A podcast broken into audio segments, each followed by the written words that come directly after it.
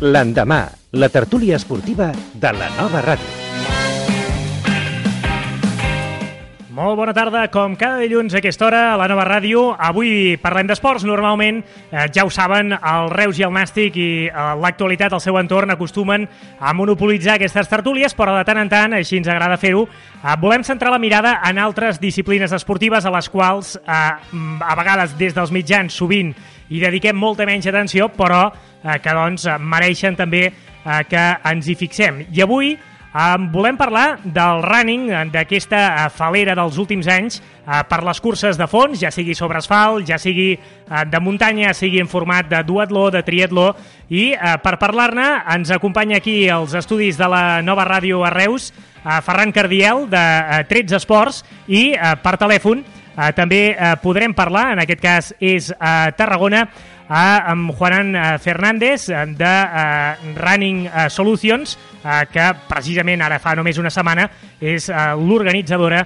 d'aquesta marató que enguany ha adoptat el nom de Tarragona, abans era la, la Costa Daurada, i que es va fer doncs, per la uh, capital del Tarragonès. I el primer que fem doncs, és, per un costat, donar la benvinguda a Ferran Cardial, que com dèiem el tenim aquí a l'estudi de la Nova. Molt benvingut, bona tarda. Bona tarda. I donem la benvinguda també a Juan Fernández de Running Solutions. Molt bon dia també. Hola, bona tarda. Bona ah, tarda. Què tal? Abans d'entrar a explicar una mica què fa 13 esports, eh, què fan des de Running Solutions, eh, per entrar una mica en matèria, eh, això del running, que doncs, ha tingut un boom espectacular en els últims anys, encara eh, està a l'alça o d'alguna manera s'ha estabilitzat? Ferran, comencem per tu. Home, jo crec que encara està a l'alça. Està a l'alça, cada vegada hi ha més participants i l'únic problema és que potser cada vegada hi ha més proves i dona la sensació que, que es té que repartir més a la gent, però està a l'alça.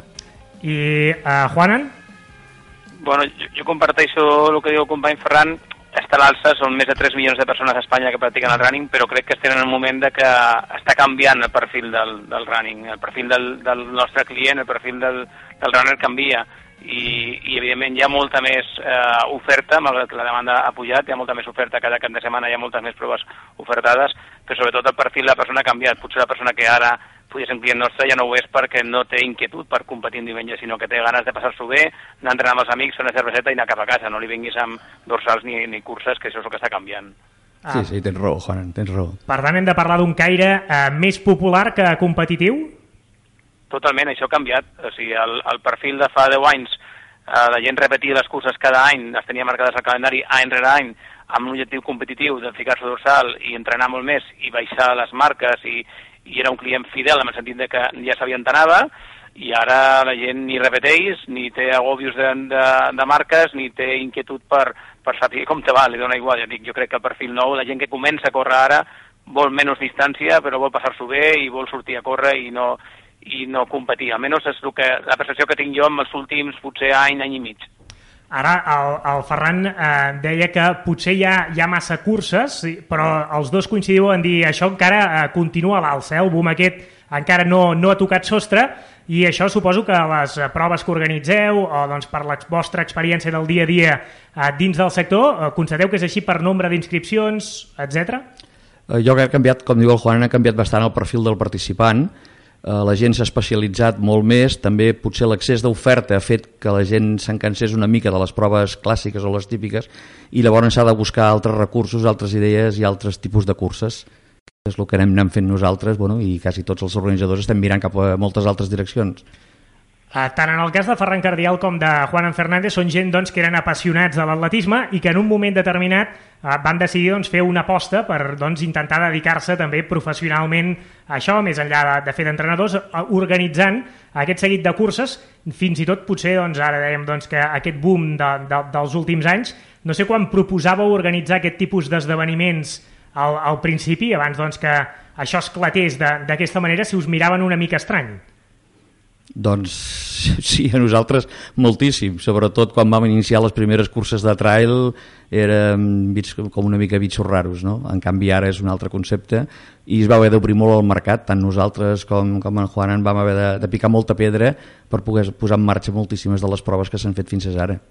Per tant, Juanjo, que aquí podem parlar que hi ha hagut un salt eh, important, eh, en créixer moltíssim el nombre de, de practicants, evidentment les ciutats, ara suposem que si al principi potser posaven pegues, ara molts cops us venen a trucar a la porta de dir, escolta, que volem muntar una cursa, eh, com ho podem fer, no? Bueno, re realment, com diu Ferran, hem picat molta pedra i crec que encara es queda picar molta més i, i jo crec que aguantarem aquí. Jo, jo crec que s'ha de separar moltes coses i em sap greu perquè la ràdio sempre tenim el temps limitat i crec que dona per parlar moltíssim.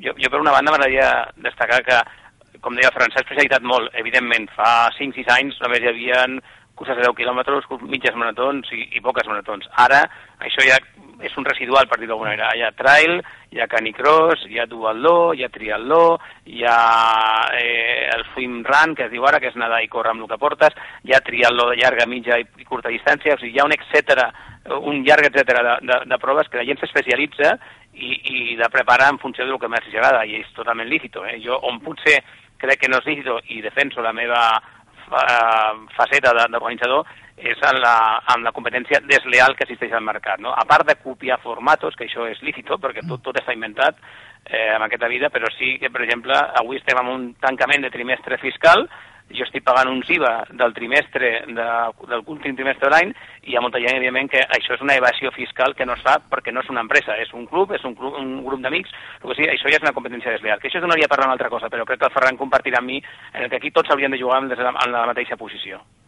No sé, Ferran, si hi ha intrusisme eh, d'alguna manera? Bé, potser la paraula intrusisme sona diferent, sona rara ara en aquest món, no? El que sí és veritat és que nosaltres que ens vam iniciar amb, amb aquesta diguem, nova tipus d'empreses, la vam jugar des del primer dia, som empreses legals, com diu el Juan, en pagant els nostres impostos, i avui en dia, com s'ha posat tan de moda, qualsevol entitat, veïns, eh, comunitat, el que sigui, organitza i no organitza amb els mateixos paràmetres, evidentment.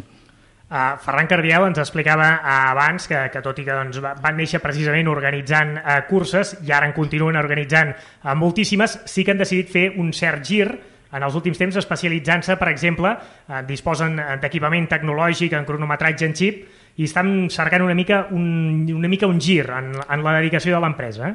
Sí, perquè ha arribat un moment que organitzar cada vegada és molt més difícil, costós i porta molta feina i llavors el que et pots trobar és que no hi hagi participació en les propostes que tu posis al mercat i ja des de fa uns quants anys van començar a dedicar-se a comprant equips amb el tema del cronometratge i a poc a poc s'hem decantat i s'hem especialitzat molt més en donar serveis i sobretot amb el de cronometratge amb xip que no pas amb el d'organització. Malgrat això seguim, seguim organitzant sobretot les coses de Reus i del nostre petit entorn. I amb el tema de cronometratge sí que eh, traspassen fronteres d'alguna manera, eh? amb això van a treballar eh, sovint bastant més lluny. Bé, això ens ha donat feines, s'ha de reconèixer i sortim de la nostra zona, evidentment, eh, sortim fins i tot del país. Uh, en el cas de uh, Juan de, de Running uh, Solutions, uh, quines són les uh, principals línies d'activitat uh, que teniu en marxa en aquests moments? Doncs nosaltres també, com diu Ferran, hem tingut que reinventar i jo sempre dic la frase que o renoves o, o caduques, no? I, I la veritat és que ara, des de fa tres anys o així, l'empresa està dividida en diferents eh, silos de, de, de feina i, i encara continuem fent activitats de, de running purament dit, és a dir, fem mitges maratons i, i maratons, però ens hem quedat en la mitja de Salou, mitja de Cambrils, a Marató de Tarragona, i després triatlons. Tenim el, la llicència del Challenge a Salou, del Challenge a Madrid, el triatló de Cambrils, però sí també és veritat que ens hem especialitzat més en direcció tècniques de curses com la Marató Nocturna de Bilbao, com el triatló de Menorca, i sobretot l'última línia de negoci, que és la que potser més facturació està donant ara i, i millor resultat d'explotació a l'empresa, és l'assessorament de màrqueting esportiu. Al final el que fem és, igual que una empresa té un assessor fiscal o laboral o, o, o similar, nosaltres som un assessor esportiu esportiu per empreses que volen posicionar-se amb el tema de, del running o el triatló i nosaltres donem un assessorament en quant a, a, a la part global de com posar la seva marca amb events esportius. Perquè en això hi ha doncs, un mercat a explotar, eh? perquè si ens diu que aquesta última àrea d'activitat és de les que eh, doncs, esteu donant eh, més sortida últimament, és perquè doncs, hi ha un mercat important bueno, eh, és, al final és convertir-te, reconvertir-te, inventar-te, reinventar-te, i som una agència, al final, igual que tu tens un assessor laboral o fiscal, per què no un assessor de, esportiu, no? I el que realment és assessorar aquestes empreses de com rentabilitzar el seu pressupost de màrqueting, eh, doncs com, com rentabilitzar-lo i oh, quines accions fer, i jo crec que això és el que realment és el que té una tendència cap a futur on ens podem reinventar cap aquí, perquè com deia el Ferran, evidentment, malgrat que la gent es pensi que no, de les curses, aquí no estaríem ni el Ferran ni jo parlant ara. no, estaríem, no continuaríem l'empresa, només les curses. I en aquest sentit, eh, teniu clientela eh, de molts llocs diferents, de molt més enllà de Tarragona? Sí, bueno, és que realment te diria que a Tarragona només hi ha una empresa, de restes estan fora, tenim empreses importants a nivell internacional, però sobretot nacional, i tenim, jo demà viatjo a Madrid, però tenim moltes empreses de, de fora, a València, a Madrid, a Bilbao, a Galícia, a País Basc, tenim moltes empreses de fora, moltes. I uh, això, quan, quanta gent mou, quanta gent des de Tarragona està implicada ara a l'empresa? Nosaltres a l'empresa a full time tenim 5 persones, però clar, evidentment per puntes de treball contractes gent eh, temporal, més o menys, hi ha, hi ha, hi ha moments de, de l'any que podem ser moltes més persones, però fixa, fixa full time estem eh, 5 persones. I en el cas de 13 Esports, bueno, eh, Ferran? Nosaltres som algo més petits pel tipus de, de treball que fem i som dues persones a full time, però evidentment quan hi ha organitzacions has de subcontractar, siguin empreses que et facin muntatges o treballadors provisionals del dia de la prova perquè a vegades la gent no, no acaba de ser eh, conscient del que representa eh, organitzar esdeveniments eh, d'aquest tipus. No? A, la, a la gent li pot semblar molt fàcil, però suposem que aquí eh, ja només a nivell logístic això comporta un munt de mesos de, de preparació i moltíssima feina, no, Ferran? Mira, eh, el Juan acaba de fer una marató que suposo que haurà tingut els seus problemes mals de caps i gent però és una marató, parlant de 42 quilòmetres, jo et posaré un exemple, la Sant Silvestre de Reus amb un recorregut de 5 quilòmetres, eh, més de 100 persones al carrer, treballant per la cursa.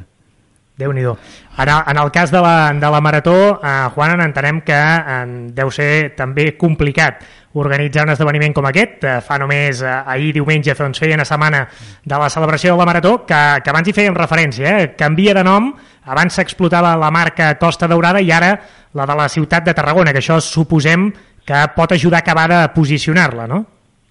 Aquesta és la idea. La, la veritat és que des de fa dos anys ja vam parlar amb, amb el que seria l'Ajuntament de Tarragona per portar la marca Tarragona a la Marató, que li valia la pena, perquè fèiem una promoció la setmana, el mes que ve, perdó, ens anem a Sevilla a fer promoció i anem a totes les maratons principals d'Espanya i la veritat és que què millor que portar el nom de teva ciutat, amb l'objectiu també de promocionar els llocs de, del Mediterrani, no? Hem tingut aquesta mala sort del canvi d'any, però jo crec que el nom de la ciutat serà, serà bo i com deia Ferran, si ell la Sant Silvestre deia 100 persones, doncs una marató són més de 300 persones al carrer, entre tant, auxiliars, tant. voluntaris i, i tot el que comporta, sense comptar ja avituallaments i de més, però vull dir, més de 300 persones. Una marató és molt complicat i, i des d'aquí agraeixo les paraules del Ferran perquè van tindre un cap de setmana molt complicat. Fer ventos és fàcil, jo sempre dic que el difícil és fer-los bé.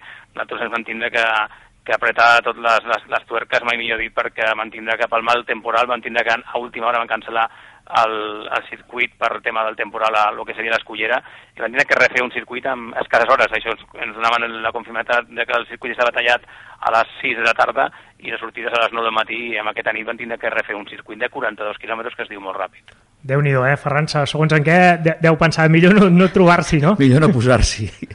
També va ser molta mala sort aquest cap de setmana eh, que hi hagués el temporal que hi va haver, perquè la feina que has preparat durant molts mesos, un circuit certificat, homologat, eh, tot coordinat amb, amb la col·locació de la gent, m'imagino que té que ser bueno, un d'alta baix haver de fer canvis i sobretot amb la importància de la prova aquesta de Tarragona, clar. Uh, Juan, perquè la gent es pugui, uh, la gent que ens pugui estar escoltant es pugui fer uh, una idea del que implica també, més enllà ja mm, de la pràctica esportiva, uh, una uh, marató com la que es va celebrar a Tarragona uh, diumenge de la setmana passada, um, uh, què implica també a nivell d'impacte econòmic uh, per la ciutat, no sé dels participants, quants provenien de fora, quants van fer nit, uh, no sé si disposeu de les dades d'aquest any, però suposo que sí d'edicions anteriors, no?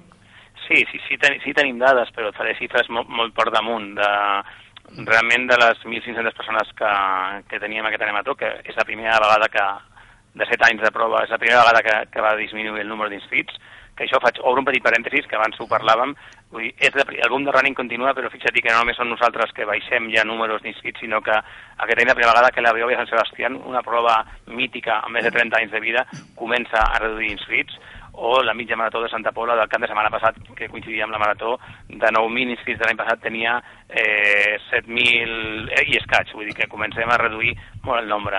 A partir de xifres, d'aquells 1.500, eh, pràcticament 700 persones eren de la província de Tarragona, la resta venien de fora i no tinc encara dades de l'impacte d'aquest any, però sí de l'impacte del 2016 i superen els 280.000 euros en quant a impacte econòmic directament de la prova. Eh? No parlem de l'impacte indirecte, que, que és més gran encara, però directament, és a dir, no és que ho digui jo, sinó que hi ha una memòria eh, una enquesta enviada i que eh, el que la gent diu a l'enquesta de que s'ha gastat nit d'hotel, eh, transporte, dinars, souvenirs, cafè, benzina, el que sigui, tot allò, el consum que ha fet directament els participants, la suma són aquests eh, 280.000 euros.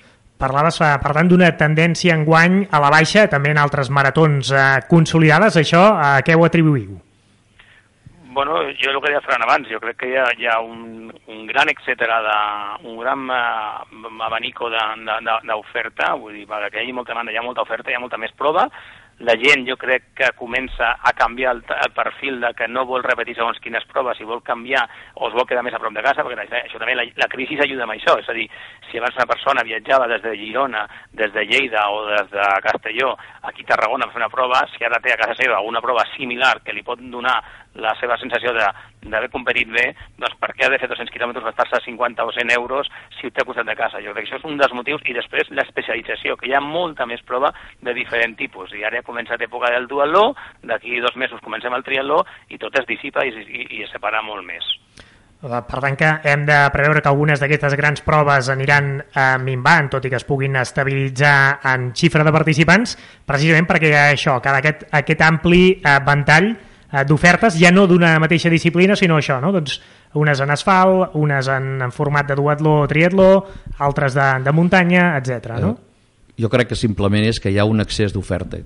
Tot en aquest país tenim la costum de que quan una cosa funciona tothom ho copia, bueno, no és copiar realment, sinó simplement la il·lusió de voler-ho fer i llavors ens hem posat tant d'oferta al mercat que la gent fins i tot s'ha esgotat, no? i és el que diu en Juan, eh? vull dir, si has corregut a Reus doncs, o a Tarragona potser busques una altra activitat o un altre dia lluny per anar a visitar i llavors doncs, deixes de fer les locals i, i, i et, vas anant, et vas anant recol·locant. No? L'accés, de totes maneres, eh, l'accés ara ha sigut el que ha fet pujar tot això i suposo que també el mercat s'estabilitzarà i es posarà al seu lloc. Suposem, Juanan, que això eh, que el temps ho posa tot a lloc, si ara un desequilibri entre demanda i oferta s'acabarà doncs, equilibrant en qüestió de poc temps. Sens dubte, i a més jo estic d'acord com diu el Ferran, jo crec que, que el, el temps fica tot al seu lloc i hi ha moltes proves que, que no, no diria la prova petaran perquè serà malament, però moltes proves que no s'aguantaran, els que portem més anys, jo ja porto 8, el Ferran en porta més, però jo crec que les que portem ja més anys tenim una, una estructura potser més ferma i podem aguantar una miqueta aquest, aquest canvi que, que, torno a dir, que ens hem de reinventar. Potser el que no hem de continuar fent és sempre curses com fèiem abans, no? El Ferran l'ha dit, ja amb el tema de, de cronometratge, eh, nosaltres hem tirat cap a un altre, cap a un altre sector que és l'assessorament la, i la, la tema de, de màrqueting esportiu, però jo crec que sí que canviarà i que hi haurà una nova tendència, i com ara molta gent l'ha donat pel trail o pel triatló o per simplement no competir, vindrà un nou efecte del running, perquè el running mai morirà, vull dir que és veritat que això creixerà, i vindran nous clients que voldran un altre. Passa que l'important és escoltar el mercat i intentar veure què és el que la gent vol i poder ofertar això, perquè si tu continues fent el mateix, d'aquí quatre anys direm que no vam fer fa dos anys que, que ara no, no, no, ja no ho podem fer. Vull dir, l'important és anticipar-te als canvis, escoltar el mercat i intentar donar el que està demanant la gent. I eh, parlant de maratons, en el cas de, de Ferran Cardial, que sobretot des de 13 Esports doncs, s'han doncs, especialitzat en la continuar organitzant esdeveniments, sobretot a la ciutat de Reus i als municipis del, del seu entorn més immediat. Pensem doncs, en clàssics com la cursa ja de la dona o la cursa de Sant Silvestre, eh, però a Reus hi havia un objectiu per part de l'Ajuntament que era aconseguir tenir també una eh, marató, i almenys una marató convencional, de moment no, però s'ha trobat una eh, cosa alternativa, l'Ediken Reus, que de seguida li preguntem a Ferran Cardial, això ho organitza l'Ajuntament, però 13 esports també hi estan implicats. Eh, què és això de l'Equiden, per la gent que no ho sàpiga? Bé, eh, el nostre regidor amb tot el seu ànim pretenia tenir una marató a Reus, nosaltres li vam recomanar, o vam considerar que no era eh, Reus no, no podia tenir la capacitat organitzativa ni l'espai ni els quilòmetres per poder fer-la Eh, llavors se'ls va proposar el tema de l'Equiden, que és una marató per relleus, on es pot participar, evidentment, com, se participa com a equip de sis components. El plantejament va ser molt ben eh, agafat, s'ha fet un estudi molt a fondo i, bueno, i eh, la setmana que ve l'Ajuntament presenta aquesta nova cursa, que es farà el mes d'abril. En aquest nou format eh, no necessites tant de recorregut, evidentment gens, perquè el recorregut se fa sobre un circuit de dos quilòmetres, eh, tècnicament és potser més complicat d'organitzar, eh, per, per totes les dificultats que té dels relleus i això, però bueno, és un altre tipus d'oferta on també dones l'oportunitat de participar en gent que no podria fer una marató i d'aquesta manera, malgrat que només sigui un tram de la marató, participarà en una prova d'aquestes característiques. Per això, doncs, a partir de la setmana que ve en coneixerem més detalls, però la data ja sabem que serà el 2 d'abril. Eh? El 2 d'abril. Um, uh, Juanan, uh, una última pregunta i el, el deixem ja i dedicarem els últims minuts a parlar amb, amb Ferran Cardiel. Um, a nivell estatal, uh, la demarcació de Tarragona, uh, què, què li falta en matèria doncs, de, del món del running? Hi ha algun tipus de cursa uh, que aquí no es pugui uh, disputar? Quin, quin anàlisi fa uh, vostè doncs, que coneix bé la, la realitat de, de, del sector, del posicionament de, del camp de Tarragona en particular?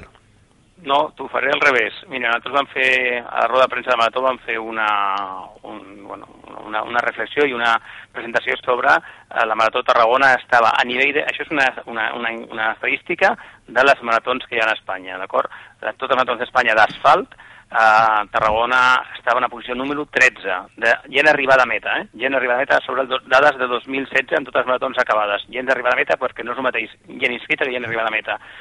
Si mirem la gent que arriba a meta, dividit entre les persones que habiten la ciutat, gent empadronada, Tarragona passa a la posició número 7. Per mi això és important, vull dir, no li falta res. Jo crec que és per tant Reus com Tarragona, el volum, vull dir, tot, la, tot el que seria la província, el volum de gent que tenim inscrita o gent que participa en events esportius és molt més alt si compares, perquè al final que no és mateix. A Barcelona hi ha 2 milions d'habitants. Mm -hmm, 2 milions d'habitants. Si corren 16.000 persones en una cursa, és molt menys que si corren a Reus 1.000 o 1.000 i pico, com tenen algunes curses, o a Tarragona 1.500 o 1.100 que poden tenir a Marató. És a dir, és important també tindre aquest valor, perquè clar, no és el mateix ofertar una cursa a Barcelona, Madrid, València, Sevilla, Bilbao, aquí això són grans ciutats, grans ciutats que tenen més d'un milió d'habitants, això és molt diferent.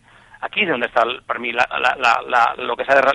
a nivell també d'anàlisis, si mirem impactes a nivell de patrocinadors i de més, és molt important que a una ciutat com Tarragona, amb 120.000, 130.000 persones, o habitants, perdó, eh, tindre curses de 1.000, 1.000 coses és molt important. Aquest és un impacte molt important. Vull dir que no crec que no li falta res, sinó jo crec que anem molt bé si ens comparem amb la resta. Uh, per tant que podem estar satisfets. I una última pregunta, vostès també, uh, amb Juan en, en, en particular, tenia una, una tenda física de, de material uh, doncs, uh, pels, pels atletes i eh, doncs, ara doncs, ens deia doncs, a, a, aquesta a, eh, tendència doncs, a, sobretot a optar per l'assessorament esportiu, etc etc, perquè suposem que aquí ha fet molt de mal també coincidint amb aquesta proliferació, amb aquest boom, doncs que les grans firmes, que potser abans eh, la compra d'un determinat material l'havies d'anar fent a botiga més especialitzada, les eh, grans firmes han vist un filó important de, de mercat i també suposo, suposem que és molt eh, difícil la venda al detall per a empreses més petites, no?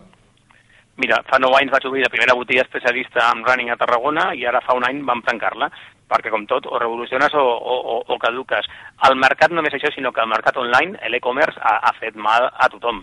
I a banda que les marques, evidentment, ja han començat a vendre's pròpiament dites. Vull dir, te faré un, un exemple molt clar. Nike fa tres anys potser feia una newsletter als seus clients una vegada al mes. Avui en dia la fa cada dia, amb la seva botiga online. Amb això està tot dit. Uh, una dada doncs, molt, molt simptomàtica. Uh, Juanan, gràcies per compartir aquesta estona amb nosaltres i res, ens queden 5 minutets que els uh, farem servir per acabar de parlar amb Ferran Cardiel. Esperem doncs, que les aportacions de Juanan Fernández hagin servit doncs, per il·lustrar una mica això, que aquí a les nostres comarques estem ben posicionats i s'està fent uh, molt bona feina i que la gent té una oferta uh, prou interessant i ajustada a la, a la demanda doncs, en aquesta matèria, en la matèria de, de curses, de fons, etc etc. Moltíssimes gràcies i fins aviat, ah. adeu-siau. A vosaltres, em comprometo a vindre el proper dia a l'estudi i Ferran una forta encaixada. Igualment, bona tarda. Doncs estem en contacte, adeu-siau. Adéu-siau. I com dèiem, res, ens queden 5 eh, minutets i ho aprofitem per acabar eh, parlant amb Ferran eh, Cardiau. Parlàvem d'aquesta Edique en Reus, que es farà el 2 d'abril, però eh, fa relativament eh, poc, el dia 22 de gener, es feia una crono pujada al campanar de les Borges del Camp, que era el primer cop que es feia, i ens parlava d'una experiència similar també a Montblanc. A Montblanc, aquest ah, estiu. Això consisteix en pujar i baixar d'un campanar eh, i cronometrar-ho. Sí, això és una cronometrada. Eh, hi han llocs, algunes poblacions de la província de Lleida que ja hem seguit els calendaris i també es, també es feia. L'any passat ens vam estrenar cronometrant aquesta modalitat a Montblanc, que va ser una cursa espectacular.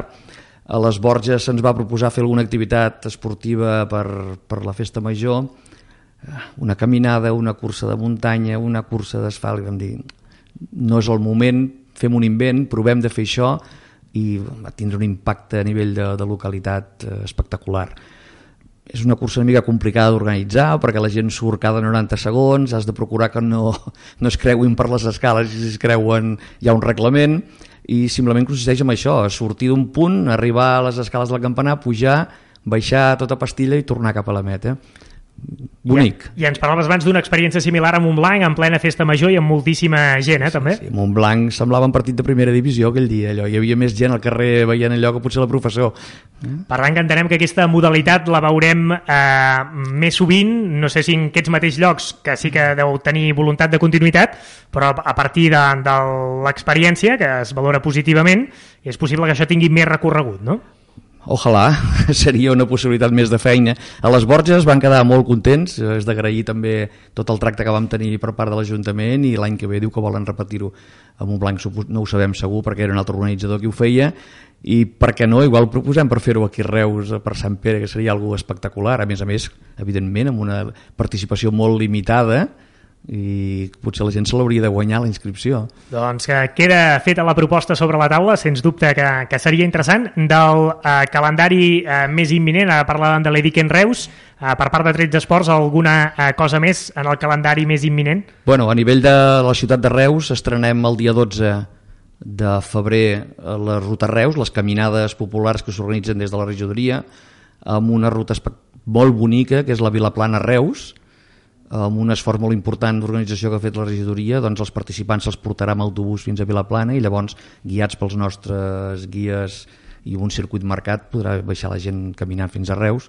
És una proposta també per fer un altre tipus d'esport a la gent i nosaltres ja enfocats aquí a Reus de cara a l'Equiden, que una cursa que esperem sobrepassar... Bueno, la idea és tenir 100 equips, si es pot sobrepassar una mica doncs millor que millor i esperar que sigui un espectacle. Per tant que 13 esports de feina eh, no ens n'hi falta. Eh, avui hem parlat de curses de fons i en aquest cas eh, sí que volem recordar la figura d'Alfonso Franco que precisament eh, moria fa només uns dies, als 83 anys, i estem parlant de tot un referent del fondisme a la ciutat de Reus. Eh? Uh, bé, l'Alfonso el vam tenir, el vaig tenir jo com a company fins i tot uh, a les files dels ploms quan ella era gran i jo encara era petit, però vull dir, ja ens vam conèixer durant molts anys i sí, va ser dels primers de la ciutat que va que va descobrir aquest altre tipus de fórmula de curs, va sortir de, del cross, va sortir de l'asfalt típic que es feia aquí, tipus Marcelí Gené, eh, provant les primeres maratons i, bueno, i sent dels primers que se'n van anar cap a New York a córrer la marató.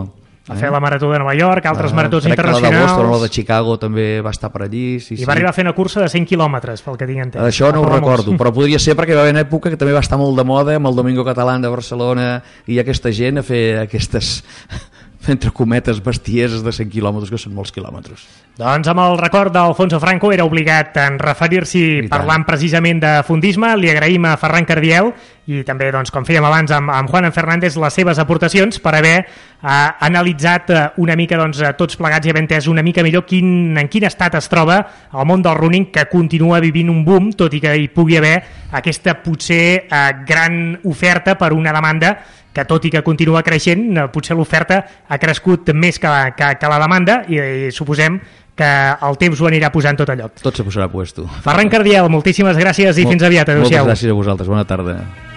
I als oients que sàpiguen que nosaltres hi tornem dilluns a la setmana que ve més coses. Bona setmana. Adéu-siau.